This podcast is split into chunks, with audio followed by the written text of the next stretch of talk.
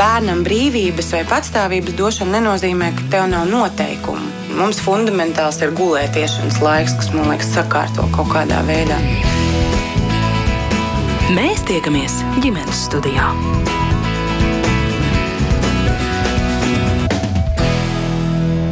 Labdien!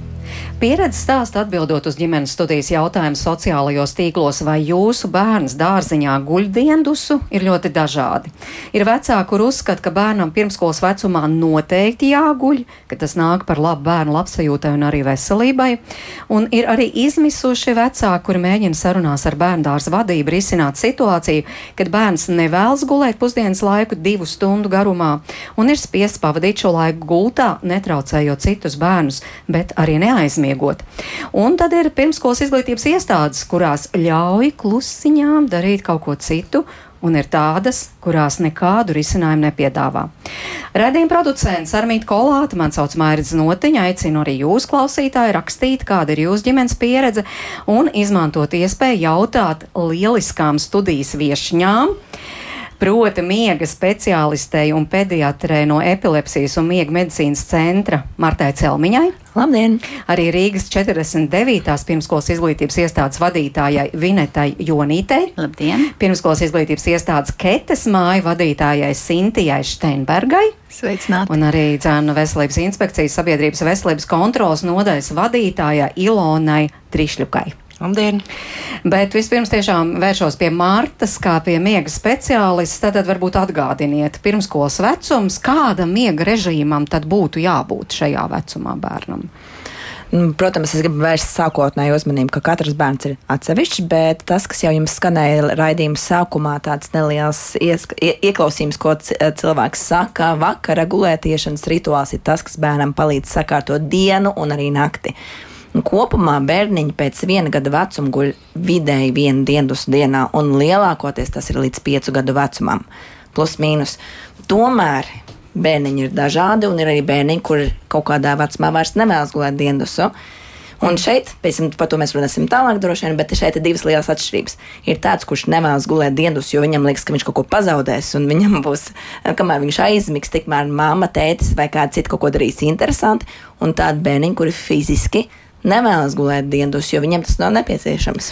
Bet man uzreiz divi papildu jautājumi. Tātad, kāpēc tā diendusa tomēr šajā vecumā ir svarīga? Jūs sakāt, nu līdz piecu gadu vecumam, nu tā kā teorētiski noteikti vajadzētu bērniem. Kāpēc? Kas tur notiek tā fizioloģiski, kāpēc tas ir svarīgi? Un tas ir fizioloģiski, jo bērnam arī smadzenēm, eh, smadzenes strādā nedaudz citādāk kā pieaugušiem. Viņiem miega cikli sākotnēji ir īsāk un, teiksim, līdz trīs mēnešu vecumam viņiem vispār nav miega uzbūta tāda kā pieaugušiem. Mums mieg, eh, pieaugušiem ir dažādi cikli. Mums ir dziļais miegs, mums ir saklāks vidējs un tāds sapņu miegs.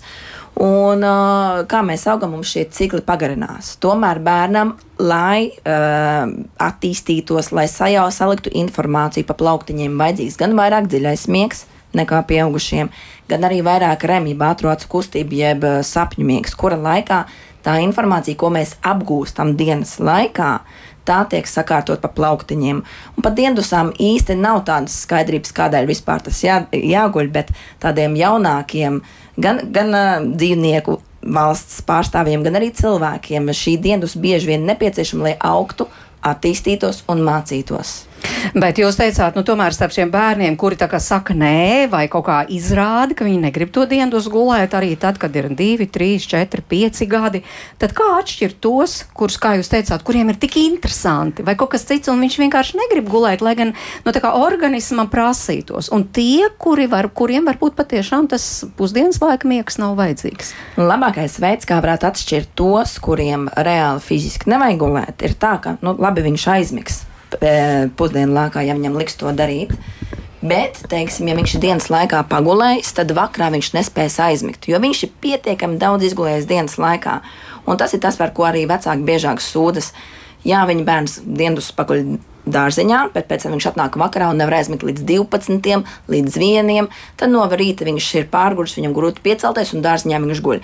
Tomēr, tad, kad ir brīvlaiks un uz dārziņa nav jāiet, un bērns dzīvo tā kā organiski saistībā ar savu dzīvi diennakts miega nomodu ritmu, tad viņš dienas laikā neguļ. Bet vakarā aiziet gulēt mierīgi 8, 9 un no rīta ļoti vien, vienkārši pieceļas. Mm -hmm. Tas būtu tāds labākais noteikti. Nu, tie veids. ir tie, kuriem patiešām arī nevajag. Jā. organisms Tieši, jā, neprasa. jā.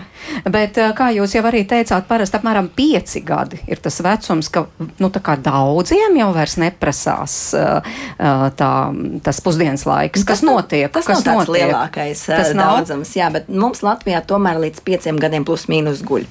Es kādu Bet es laiku domāju, dzīvoju- pēc pieciem gadiem. Pēc pieciem tomēr nevajadzētu gulēt diendus. Nu, 5, 6 gadi, tātad pirmsskolas vecums ir pieļāmis. Ja bērns pēc 5, 6 gadu vecuma guļ diendus, tad tas noteikti būtu iemesls, lai dotos pie ārsta, jo šajā vecumā tomēr smadzenēm nav nepieciešams šis dienas miegs.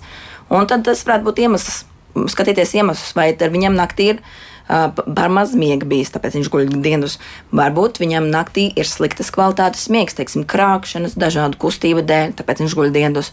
Bet vēl viena iespēja, ka viņam ir varbūt tāda viena no slimībām, ko sauc par centrālajām hipersomnolencēm, jeb miegainība, kuru rada nepareiza smadzeņu darbība. Tas nozīmē, ka cilvēkam smadzenes pieprasa vairāk gulēt. Un, ja mēs to pamanām, kā bērnu, kurš guļ dienas pēc 5, 6 gadu vecuma, tad noteikti, noteikti jādodas pie miega speciālista. Bet arī par tiem mazajiem jūs teikt, un pieņemsim, 2, 3 gadu vecumā. Tas Tur arī viņam- varētu būt kaut kādi medicīniski iemesli, kāpēc, piemēram, bērns negrib uh, gulēt.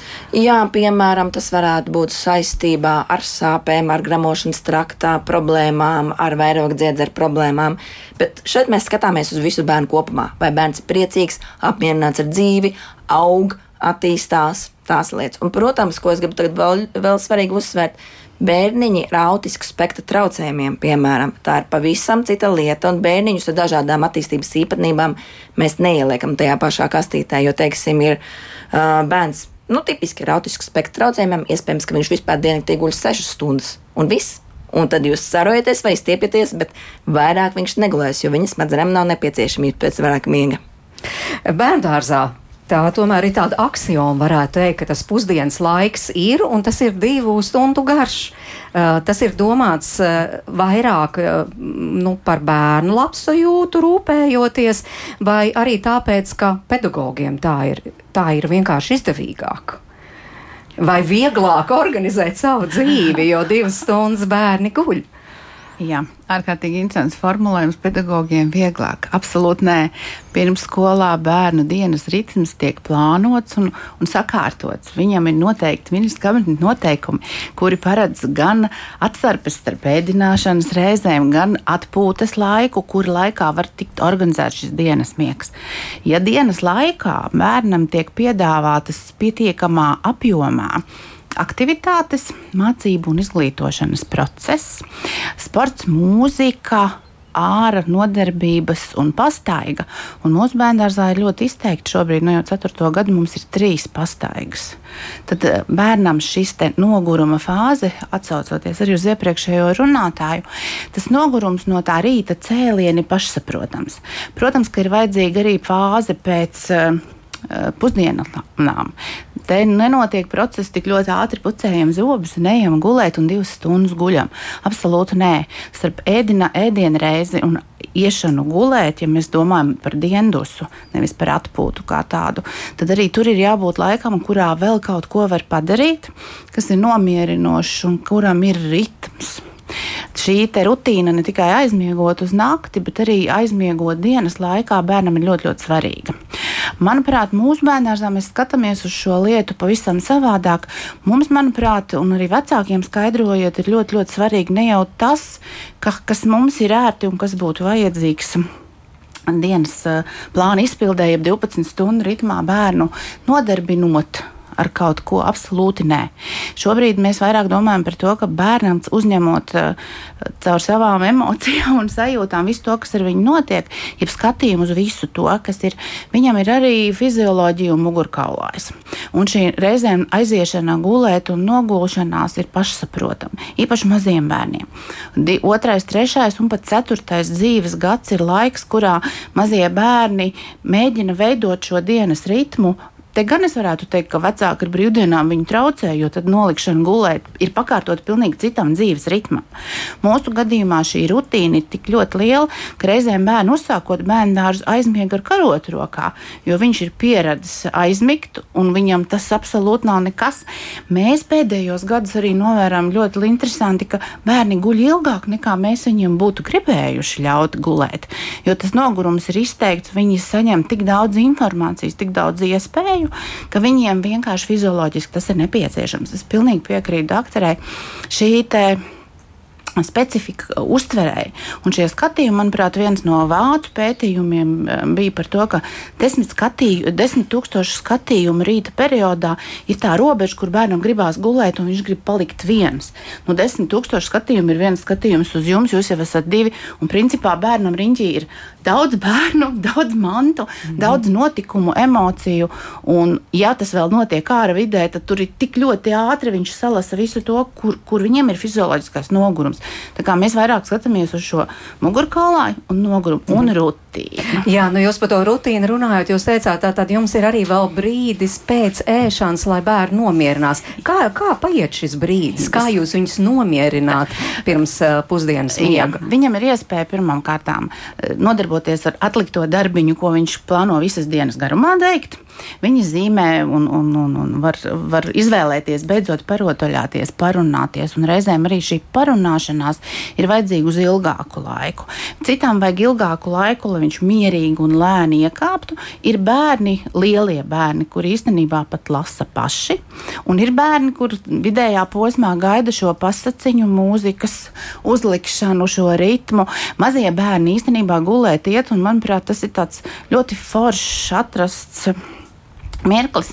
Mums šobrīd zilē ir bērns, kurš eh, čubina nevis zaķi vai lāci vai lupatiņu, bet tēta krēkla apaklītes stūrīti. Lai viņš aizmigtu, viņam ir vajadzīgs. Savukārt tieši pretēji otrs ir jāpaņem klēpī un jāļauj viņam glāstīt mammas pleca daļu uz leju. Un tā ir viņa rutīna, kas viņam dod iespēju aizmigt. Mhm, bet tā kā jūsu dārziņā vismaz šobrīd tāda negulētāja nav. Arī ne. starp piecgadniekiem un sešgadniekiem par ne, negulētāja mums nav. Šis ir, šis ir vecums, kurā šī gulēšanas ilgums paliek arvien īsāks un īsāks. Un mēs esam eksperimentējuši ar to, ka bērniem esam ļāvuši izvēlēties un, un, un veidojuši svētku dienu un īpašas aktivitātes, ļaujot viņiem izvēlēties negulēt visas dienas laikā. Nodarbināt viņu pašu rakstu savu dienas režīmu mirklī, nu, pirms jau skola aiziet uz skolu maijā. Un izrādās, ka pat, pats lielākā atziņa priekš viņiem bija, mums ļoti vajadzēja aiziet pagulēt, jo mēs piekustām. nu, re. arī tā mēdz būt. Bet atbildot uz jūsu jautājumu, jā, mums arī ir bijuši vecāki, kur nāk un saka, mūsu bērni neguļ. Ja īpaši tie ir bērni, kuri atgriežušies no dzīvošanas, kāda brīža dzīvošanas Eiropā, Mums tur nelika gulēt. Vācija, Spānija īstenībā siestas laikā vispār bērnus ņem ārā. Bet viņiem kopā visiem īstenībā ir ļoti interesants stāsts par to, kā mēs te dzīvojam, kas te mums notiek. Un beigās izrādās, ka tas negulētājs aiziet pirmais gulēt. Ir bijuši gadījumi, kad vecāki nesamierinās ar šo izjaukto dzīves ritmu, un to es arī doktorē piekrītu. Vecākiem vienkārši ir reizēm ļoti ērti ātri nolikt bērnus gulēt, jo tā rīta celšanās ir gana agra. Mēs esam Rīgas centrā. Mēs no septiņiem strādājam, mums ir gana daudz bērnu. Un tas bērnu gulēšanas ilgums vairs nebūs 11, 12 stundas. Jā, uh, Sintī, kā ir Kets mājā? Jūs, Jā. jums arī nav negulētāju. Redz, uh, pilnīgi piekrītu, piekrītu Vinetai par, par to vecuma grupu, kad ir viena vecuma, piemēram, 5 līdz 6. Bet tā kā mums ir arī jaukta tipa grupas, tad tur tā situācija ir savādāka un katrai istabiņai jāpieiet ir atšķirīgi. Mazulīšiem šī problēma parasti nav aktuāla, lai gan katru gadu ir kāds viens, kur īpaši skatāmies, varbūt kādu grāmatiņu iedot, bet tad noteikti jāpieliek kāda stalažiņa ar aizskariņu, lai citi neredz. Bet pasakiņu viņš klausās, un mēs ievērojam šo mazo rituāliņu, līdzīgi kā vakarā mājās, kad ir kāda dziesmiņa, pasakiņa. Un adaptācijas laikā, kas ir parasti septembris, oktobris, šie jaunie bērniņi viņi pieroda. Ap novembri parasti guļ visi. Bet uh, jaukta tipa grupās skolotāja uh, pa to laiku, kamēr mazākie. Uh, tīra zobiņus, velk pidžāmiņas.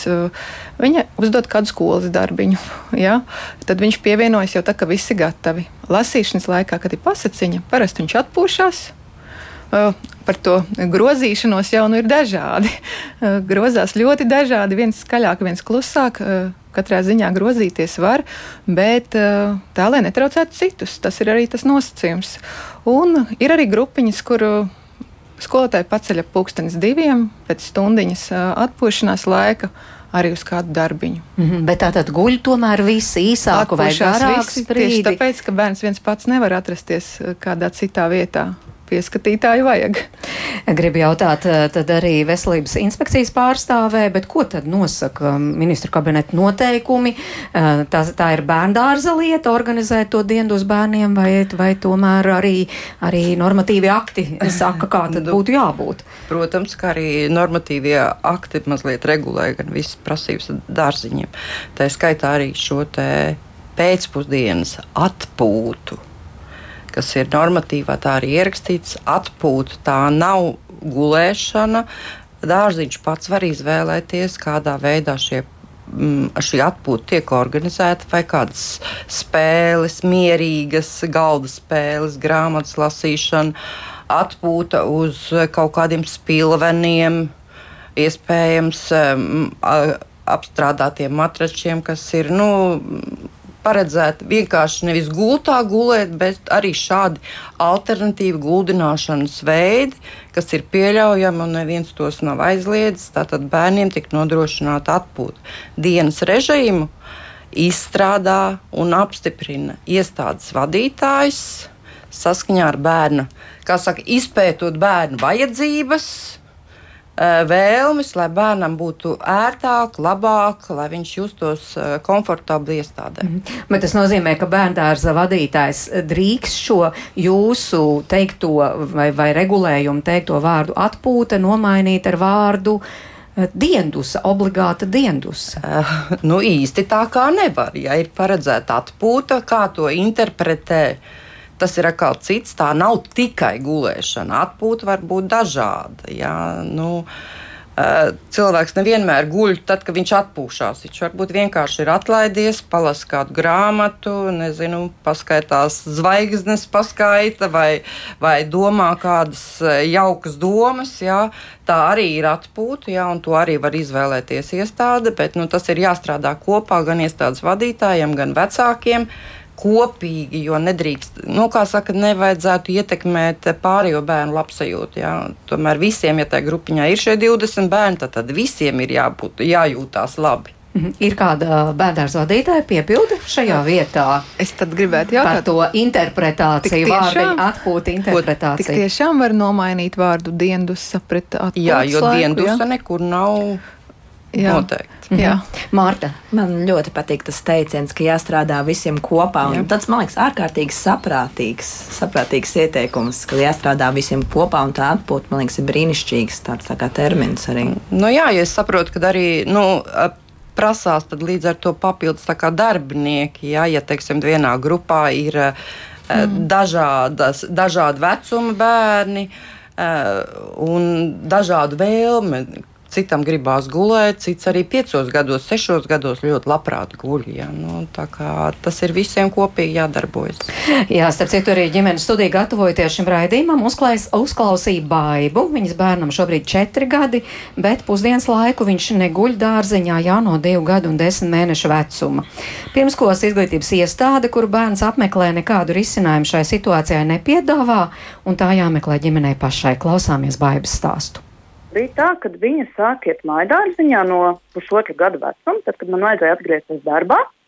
Un tur, protams, vajadzēja gulēt dienas, kā jau visiem bērniem, un arī likās, nu, ka cik mazam bērnam viņa ir vajadzīga. Bet uh, augot ar vien vairāk un vairāk varēja just, ka tā dienas viņu nu, patiesībā negatīvi ietekmē, jo viņi sāk iet gulēt ar vien vēlāk un vēlāk. Un arī tā uzvedība pēc bērnu dārza bija ļoti tāda ekstrēma, es pat gribētu teikt, varēja redzēt, ka viņa ir nu, stresā. Ja? Un, uh, tad bija tā, ka tad, kad viņai bija divi gadi un desmit mēneši, mums bija iespēja aizbraukt uz laukiem, dzīvot tādā režīmā, kādā gribās. Un, uh, tad arī visi apkārtēji teica, nu kā bērns taču laukos, skries ārā, svaigs gaiss, nu viņš taču gulēs dienas. Bet uh, pierādījās pilnīgi pretējais, kad uh, viņa mostās astoņos no rīta, visu dienu neguļ un iet gulēt ap deviņiem vakarā. Un uh, tad, kad uh, vasara pagāja, bija jāatgriežas mājdārziņā, un bija tā iespēja uh, viņai negulēt tur. Viņiem uzrādījās vēl viena auklīte, palīgs, kurš tad varēja pieskatīt manu meitiņu, kamēr citi bērni guļ. Un uh, viņa šī uzvedība pēc bērnu dārza izmainījās jau nākamajā dienā.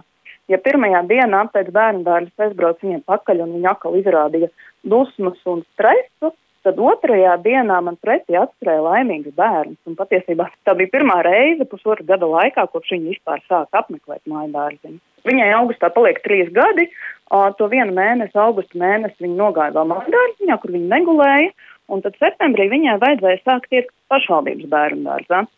Un, tā kā es jau tajā vasarā redzēju, ka viņai diendusa nav nepieciešama, es jau vasarā zvanīju uz bērnu dārzu vadītājai un nu, prasīja, vai ir tāda iespēja negulēt. Nu, jā, un tad bērnu dārza vadītāji man atbildēja, ka nē, ka tāda iespēja nav. Vienīgā iespēja ir vecākiem pēc pusdienām bērnu no bērnu dārza izņemt ārā. Un tad es uzzināju, ka pēcpusdienās bērniem ir arī pulciņi bērnu dārzā. Un tad zvanīja vadītājai jautāja, vai ir tāda iespēja, ka es bērnu pusdienas laikā izņemu ārā no bērnu dārza un pēcpusdienā uz pulciņiem vedu atpakaļ. Un viņi apstiprināja, ka jā, ka tā arī mēs drīkstam darīt. Nu, un tad uh, vienīgais variants bija man atrast mūsu personīgo augu, kurai es maksāju par to, ka viņi katru dienu šīs trīs stundas no 12 līdz 3 pieskat man meitu.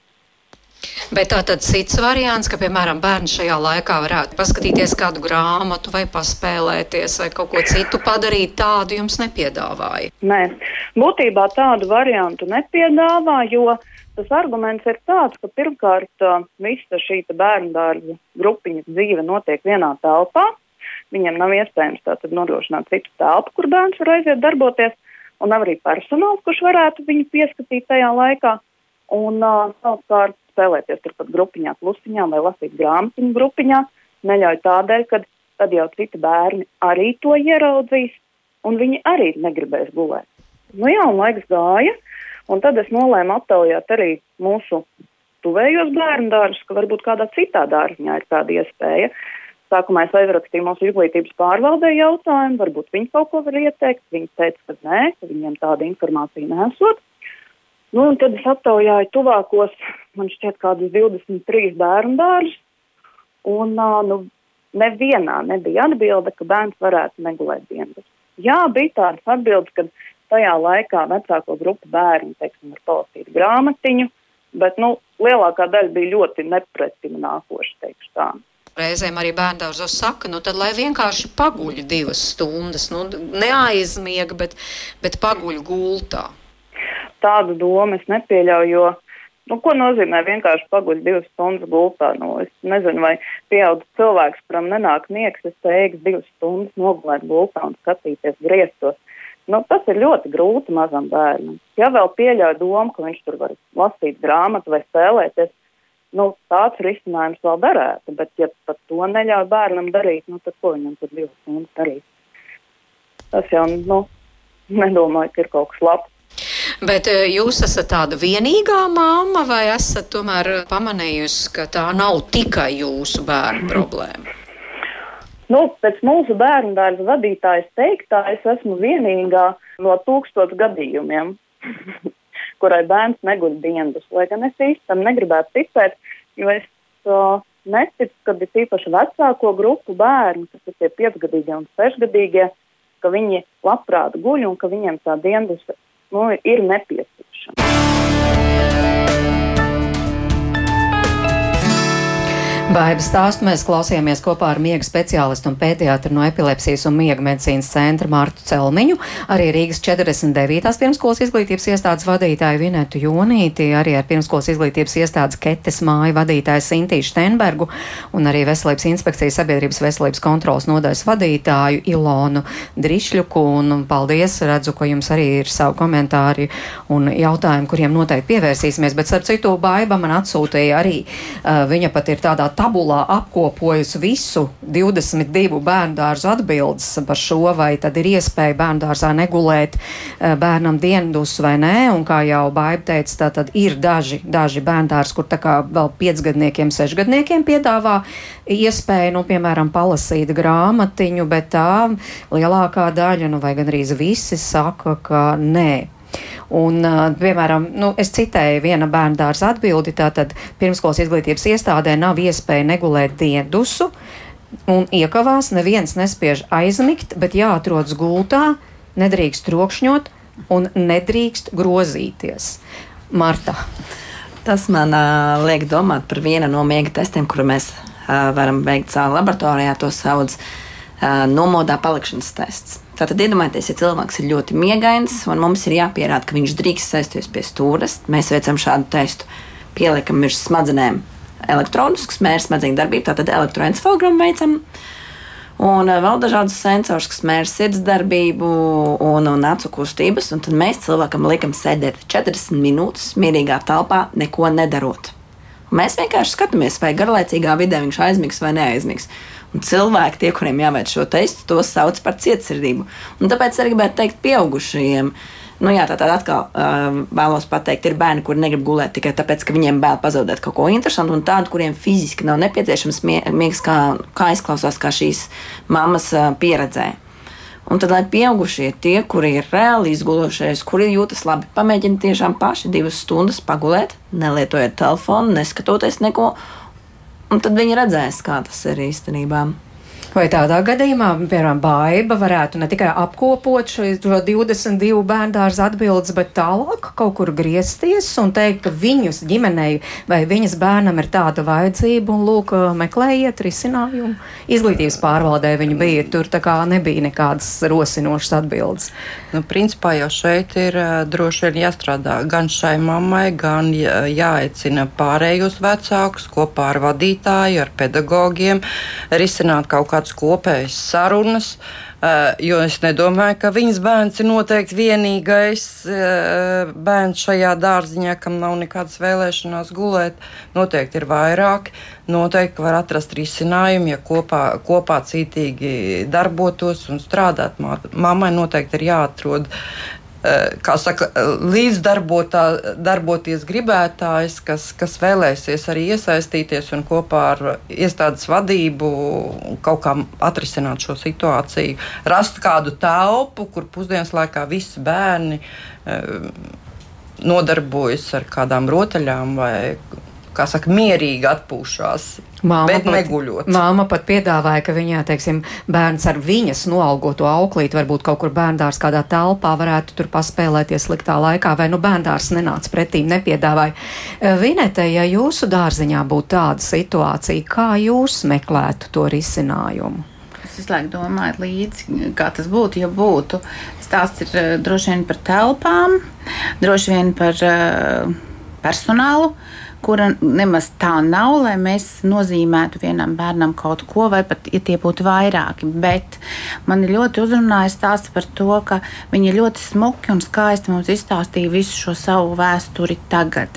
Ja viņi vērstos pie vadītājas, un reizēm tas ir tas neizstāstītais stāsts, atnāc pajautā, vai man kā vadītājai ir laiks tevi uzklausīt, nevis ātri, ātri, ka man vajag un to īso atbildi, kas un kāda ir mana rutīna. Atnāc izstāsti visu, un te jau varēja varēja saprast, ka savā stāstījumā viņi stāsta par to, ka, ja bērns guļ 11 stundas un šis ir iziets process, viņi ir ieraudzījis, ka viņam ir vajadzīgs, mēs varam atrast risinājumus, un tas nav tas, kas kas būtu problēmā. Bet mums arī, jā, mēs skatoties uz mūsu pieredzi, mēs ļoti daudzas reizes mēģinām saprast, ka mums ir kaut kādas pašiem ilūzijas un atmiņas par to, kā mums gāja bērnībā.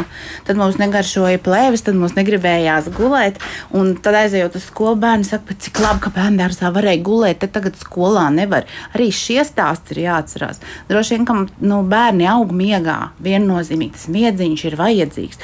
Tieši tāpat tāpat kā, manuprāt, latviešu teiciens par to, ka maizes spēkam ir caur kauliem jāiziet un pēc pārēšanas ir jāpaguļ, viņš jau droši vien ir taisnīgs. Bet uh, mēģināt saprast, ka bērnam augot šī nu, miega daļa samazinās, to var saprast. Mm -hmm. Šis gadījums, protams, ir par diezgan mazu bērnu, kur pārējie guļot, un tad man Kets mājas vadītājs teiktais bija ļoti skaists. Mums ir jā, jādabū norobežojums, ir jāatrod tā vieta. Risinājumi ir daudz un dažādi. Ministru kabineta noteikumi šobrīd to atļauj, jo tā maiņa starp dienas miega vārdiņu likumā un atpūtu nemaz tik sen nav nomainījies, ja paskatās vēsturiski. Mm. Un tā gulēšana obligātā, re, kur arī mums ir palicis šis stereotips, ka mēs kaut ko nevaram mainīt. Jā, bet nu, tad viena tās risinājums būtu kaut kā norobežot, jā, šo viennozīmīgu, jā, atrast telpu, atrast organizācijas formu, atrast varbūt, ja viņi tiešām ir vairāki, tas, tas, tas ir iespējams arī lielā bērndārzā, un tad, ja šī ēka ir tik veiksmīga, ka viņā ir daudz telpas, diemžēl mūsu bērndārzi ir celti stereotipi stereotipiski nu, ļoti mazām, mazām telpām un liekošo telpu nav. Kā, bet es domāju, ka mamma pati ir atradusi burvīgu risinājumu, atvest un aizvest. Tas arī ir risinājums. Protams, ka tas viņai maksāja. Jā, no Sintī jūs noteikti arī klausoties, domājat, bet jā, jā. Kā, kā, es, kā es rīkotos, ja šāda situācija? Šī problēma ir jau gadiem ilgi. Nu, piecus pēdējos gadus uh, dzirdu to vien. Katru gadu pa divi, trīs gadījumu izskatām ļoti individuāli. Nekad necērtam saknē, skatāmies tiešām individuāli uz katru ģimeni.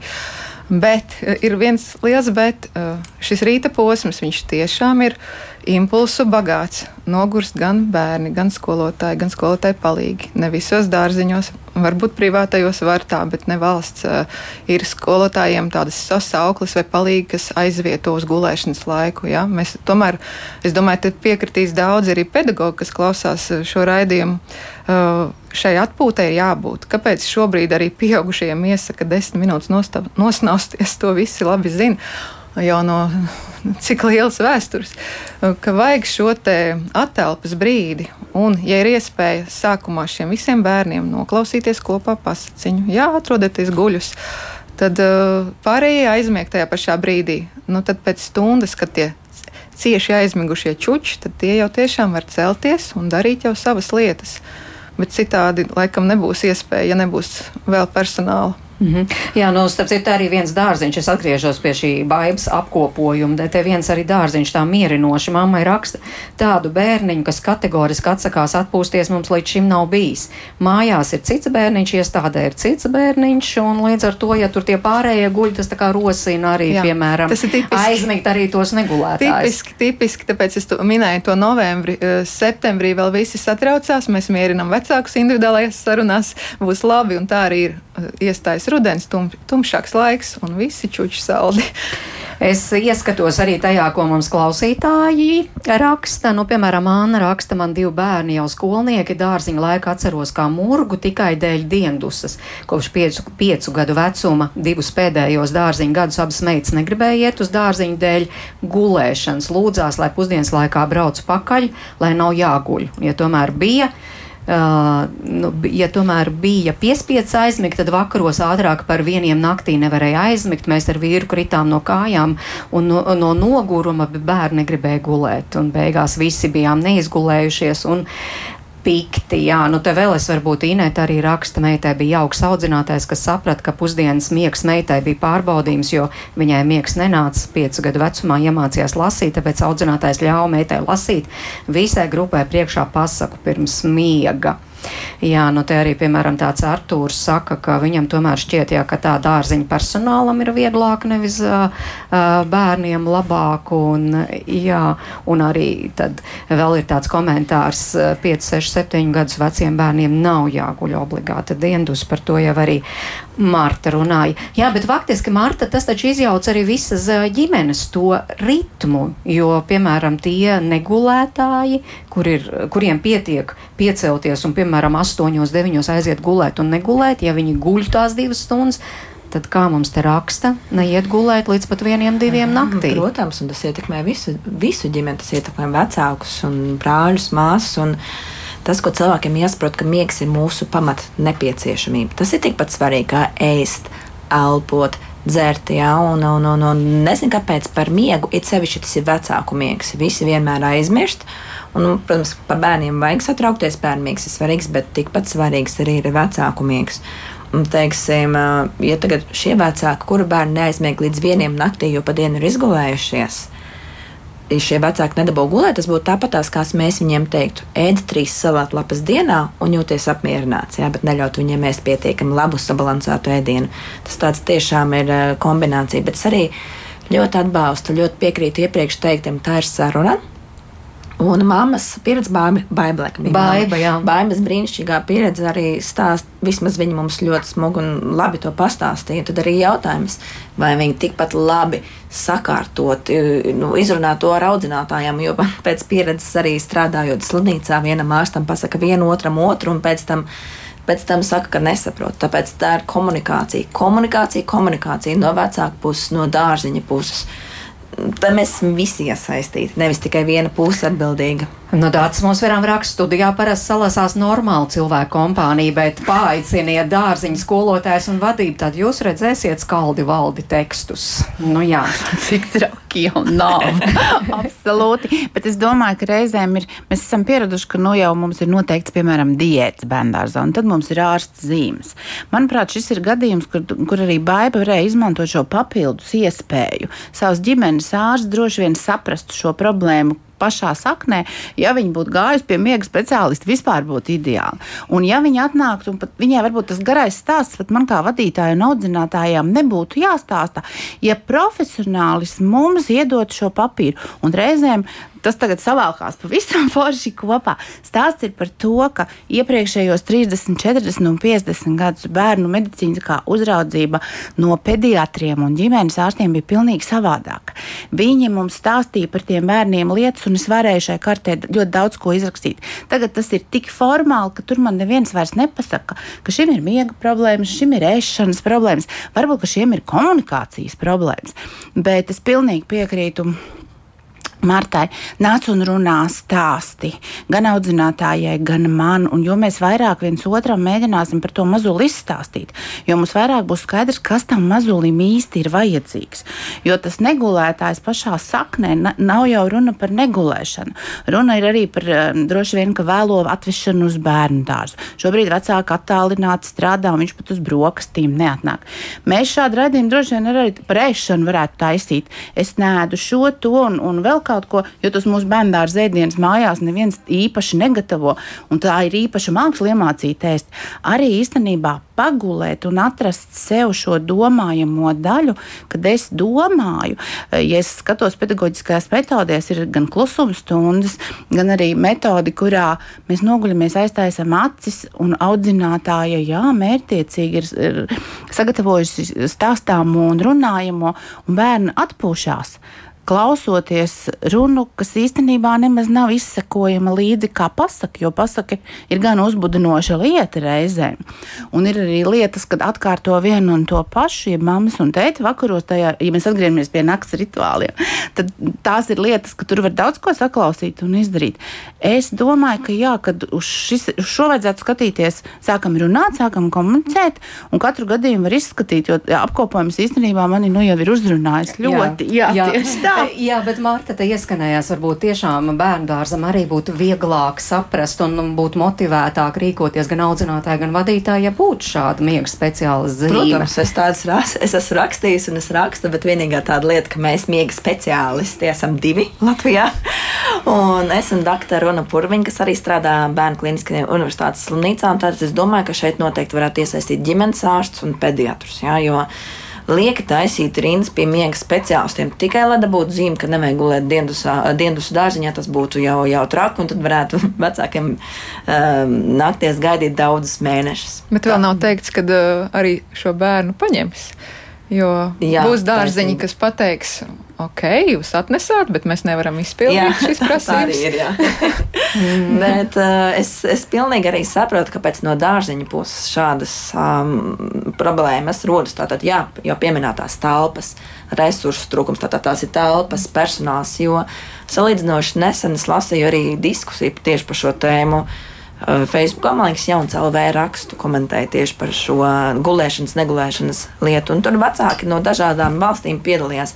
Ja mēs dzīvojam Francijā, mums daudz labāka iespēja, teiksim, gulēt, negulēt, bet tur uz bērnu skaitu. Mm nu, tur vienai audzinātājai daudz mazāk bērnu. Tātad tas Jā, saprotams. Starp citu, mums arī klausītāji tieši par šo rakstu, piemēram, Henrijs raksta, mana mazmeitiņa, kā arī citi četrgadnieki bērnu dārzā nekad neguļ dienvidu grupā. 15 bērni, toties četri audzinātāji dzīvo, protams, Dānijā. Vai arī, piemēram, Ines raksta ar baltu skaudību klausos savu paziņu pieredzi ārzemēs, kur bērnus neviens nespiež gulēt diendus, ir atpūtas stunda, kurā nav nekādas mokas ar obligātu aizmigšanu, bet var palasīt, var paskatīties grāmatiņas.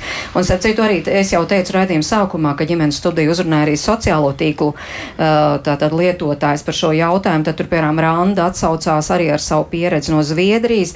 Zviedrijā bērni var gulēt, ja vēlas un ir noguruši, audzinātāji noliek gulēt un pavaktē pārējie bērni tikmēr daudzās pāri, un kad gulētāji pamosts, tad saģērbis iet ārā un pievienojas draugiem. Vai arī, piemēram, Līga raksta, Dānijā septiņos ceļas, 19. iet gulēt, neguļ pusdienas laiku jau kopš divu gadu vecuma bijusi pusgadu Latvijā, kur gāja dārziņā, divas stundas gulēja pusdienas laiku, līdz ar to gājām gulēt 12. vakarā, man acis uz skātiņiem, bet bērns prasa aktivitātes. Atgriezāmies Dānijā, vairs nav diendusu un tiešām atpakaļ pie normāla režīma. Man vairs nav divos naktī jābūt nomodā. Starp citu, šī ir problēma. Tas ir ne tikai tā kā stāsts, kā ir citur, bet problēma tiem vecākiem vai tām ģimenēm, kuras atgriežas šeit Latvijā.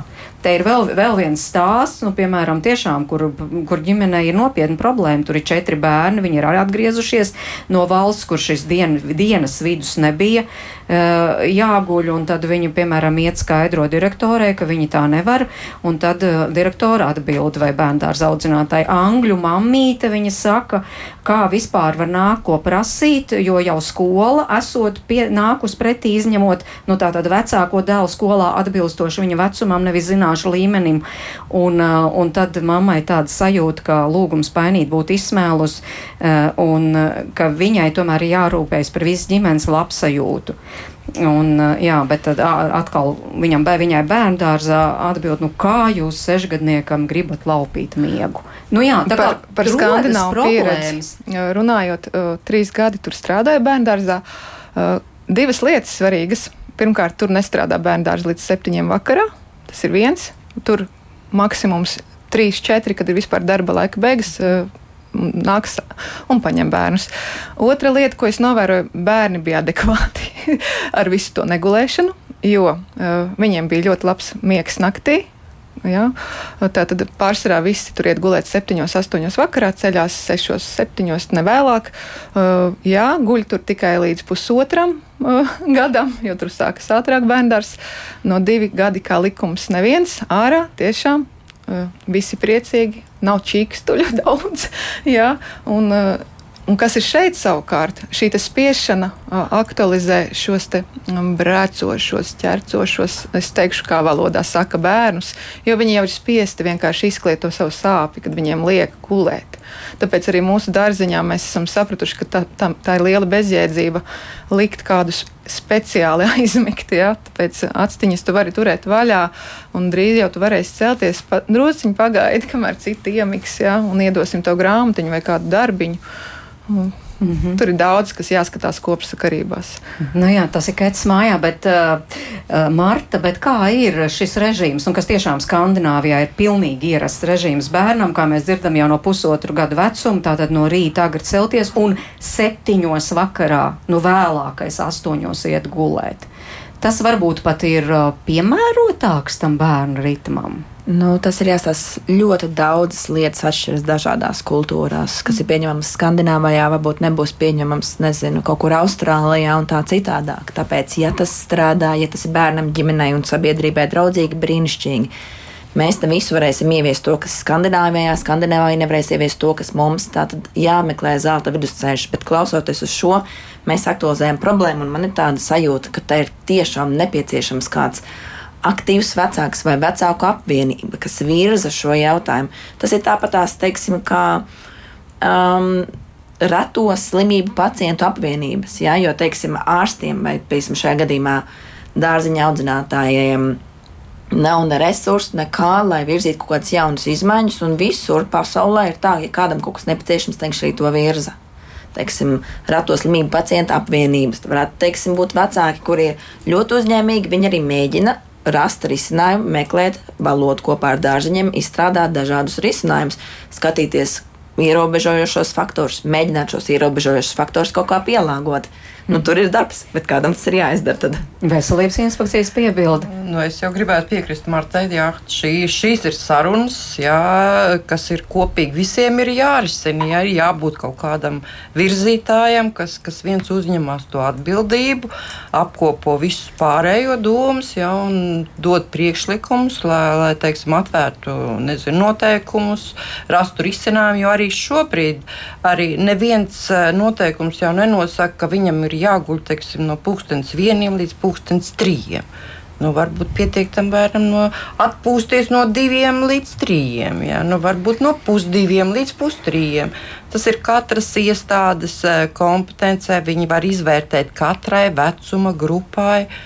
Uh, tieši tam vecumam atbilstoši. Ja? Nu, mums jau, kā zinām, pēc standarta arī visus piecgadīgos un sešgadīgos liek dārziņā gulēt, kaut gan viņam noteikti negribās. Bet, nu, diemžēl tā ir. Tā kā, nu, ir uh, jāapgūst jau, jaunas iemaņas, jā, jāmēģina šīs attīstīt un risināt, kā, kā to labāk. Uh, tieši iestādes vadītājs savā dārziņā var kaut kā attīstīt. Nu, kamēr šie risinājumi vēl tiek meklēti, bet varbūt no jūsu puses tad ieteikumi, kā tomēr ģimenēm kuru bērni nu, negrib gulēt, bet kuriem tomēr ir jāguļ, kā viņiem varbūt pamainīt esošo režīmu, sakārtot, lai tas tik ļoti tomēr neietē, neietekmētu visas ģimenes ikdienu, kā mēs dzirdam, ka bērns, piemēram, vakarā neiet gulēt. Jo, starp citu, es arī, nu, gatavojoties šim raidījumam, es lasīju tādus māmu ieteikumus, nu, tad es, piemēram, ļoti, ļoti agri ceļu to bērnu augšā. Pieņemsim. Un tad kaut kā tas viss labāk sakārtojas. Tas bērniņš gan izguļ, bērndārzā to dienas vidiņu, gan arī pēc tam vakarā tomēr normālā laikā iet gulēt. Varbūt, ka jums ir vēl kādi ieteikumi, kā vēl varētu to režīmu pakārtot vai sakārtot. Nu, es gribētu arī, varbūt, jā, protams, šie ieteikumi būtu ļoti svarīgi, bet es vēlētos tā kā vērst uzmanību, vērst uzmanību uz to, ka nebūs viens brīnum tabletītes un vajag miegu uzskatīt kā ļoti svarīgu un nozīmīgu dzīves sastāvdaļu. Tātad, teiksim, ja bērnam būtu alerģiju pret glutēnu, mēs piemērotos un pielāgotos tātad šo diētu. Ja bērnam ir noteiktas reālas tās miega nepieciešamības daudzuma izmaiņas, tad arī tam ir jāpielāgojas. Un tad mans pirmais un galvenais ieteikums būtu runāt, komunicēt cieņpilni gan vecākiem, gan audzinātājiem. Un, um, tas, ko es pats savā darbā esmu sapratusi, ja es redzu problēmu, viena un arī internetā es redzu, ka ļoti daudziem cilvēkiem patīk sūdzēties. Viss ir slikti un LV. Bet ļoti maz ir tādi cilvēki, kas redz problēmu, viņu tā kā diagnosticē, bet nenāk ar saviem risinājumiem. Tā tad varētu teikt, mans bērns negrib gulēt, viņš iet gulēt vienos naktī. Es redzu, ka tur ir, tur ir problēma. Es piedāvāju, ka varbūt varētu darīt tā un tā. Un nākt jau atvērtam ar saviem ieteikumiem, ko dārziņš varētu darīt.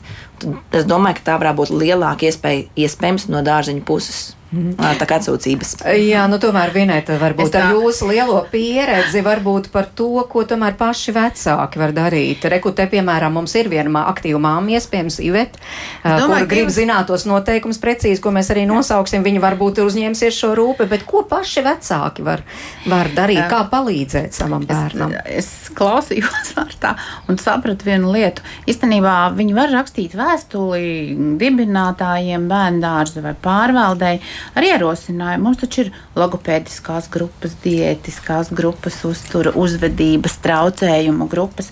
Varbūt tiešām ir īstais brīdis, ja šīs problēmas šobrīd ir tik ļoti izteikti un dažādi. Mums taču varētu būt bērngārzā grupa arī. Ne, ne, nevar tagad izdomāt, kāds tas varētu būt neguļ, neguļošā grupa bez dienas miega. Bērns, mēs zinām, ka šī grupa un šo bērnu būtu jānovirz. Protams, ka tur atkal būs attālumi un tuvu māja mājām, es gribu te un tagad. Bet, ja bērnam ir šī speci... faktiski tā ir speciāla vajadzība tieši šim bērnam negulēt. Un kā, kā to darīt un kurā vietā Rīgā ir blīvi sakoncentrējušies bērndārzi, nu es nezinu, uz pāris kilometriem, ja viena grupa šāda būtu, tas būtu interesants eksperiments. Tieši tāpat kā visi bērndārzi šobrīd ir pašvaldības 12 stundu režīma darba laiks, varbūt beidzot ir laiks atcerēties, ka var arī būt 10, ka var arī būt 9 stundas, ka varbūt ka vispār jā, tiem, kas vēlu ceļās, vai viņi nāk uz 11, mēs piekārtosim un saka, sakārtosim šīs, šīs lietas, vienkārši vajag ierosināt. Un te gan tā drosme runāt šobrīd mums ir, mēs mākam uzrakstīt komentāru, niknu un pamatīgu, un mums vajag tā vai šā. Nākam, runājam, izdomājam, viss pasaulē ir iespējams, ja tu to gribi panākt. Un, un ļoti daudzām mamām ir, ir daudz kas izdevies. Ja? Mm -hmm. Tā kā es domāju, ka šī varētu būt nu, tāds labs eksperiments, projekts kaut kāda, mēs Martu varam piesaistīt, viņa noteikti mūs nokonsultēs uz to labāko, jo tieši tā šīs zināšanas un, un to, ko mēs varam sadzirdēt viens no otra par šīm lietām, tās ir dažādas. Jā, jā nu brīnišķīgs ieteikums tiešām varētu arī realizēt, bet Sintī, varbūt tomēr kādu ieteikumu vecākiem, kuriem šobrīd tā ir problēma, nu tomēr no savas pieredzes. No manas pieredzes pirmajā vietā ir mīļa, cieņpilna saruna ar skolotāju jo tas ir tavs tuvākais uh, cilvēks, kas ar tavu bērnu ir tik ilgas stundas. Ir jāatrod brīnišķīga komunikācija ar viņu. Un tā ir atslēga, es domāju, pie katra bērna sirsniņas. Uh, es arī esmu ilgus gadus bijusi pati skolotāja, un es saprotu, ka komunicēt uh, vajag mācīties mums visiem, un tiklīdz šī pozitīvā saskarsmē, jautājums sāk risināties. Marta? Jā, es saprotu, jūs vairākiem prasījāt, nu, ko lai vecāks dara. Nu, tātad mēs visi atbildam vienu to pašu, tātad acīm redzot, nav tādas iespējas, ko man izdarīt, lai mans bērns gulētu dienas, un viņam tas nebūs tā kā slikti. Tas būtu tieši tāpat, ko man pra, prasīt, ko man darīt, lai manam bērnam, kuram ir alerģija pret glutēnu, nebūtu alerģijas pret, pret glutēnu. Tātad atbilde viena komunikāciju un jaunas iespējas meklēšanu. Nu, tad, noliekot punktu, tomēr lūkšu Ilonai atgādināt, kas tie par noteikumiem mums īvēta prasa. Nosauciet tos noteikumus, kur rakstīts, ka bērnam ir vajadzīga atpūta, nevis Tātad, obligāta gulēšana. Jā. Tie ir ministru kabineta noteikumi numur 890. Higienas prasības bērnu uzraudzības pakalpojumu sniedzējiem un izglītības iestādēm, kas īsteno pirmskolas izglītības programmu. Un desmita, desmitais punkts nosaka, ka pēc pusdienām bērniem nodrošina atpūtu. Un tā pašā laikā arī 25. No, uh, punktā ir norādīts, ka nodrošinot atpūtu, pieļaujams citas alternatīvas guldināšanas veids, ne tikai gultas. Nu, lūk, jā, viena lieta ir noteikumi, cita lieta dzīve. Paldies par šo sarunu. Es saku Mārtai Celmiņai, Vinetai Jonītei, Sintijai Steinbergai un Ilonai Drišļukai. Un uh, raidījuma producents Armīta Kolāta, man sauc Mārcis Notiņa. Mēs tiekamies atkal rīt 5 minūtes pār diviem. Starp citu, ģimenes studija grib atgādināt, ka šīs nedēļas nogalē ir tēvu diena. Un tāpēc rīt studijā pulcēsies solo tēti, tie, kuri vieni vai lielāko daļu audzina bērnus paši. Par to tātad klausieties rīt un lai jums jauka diena!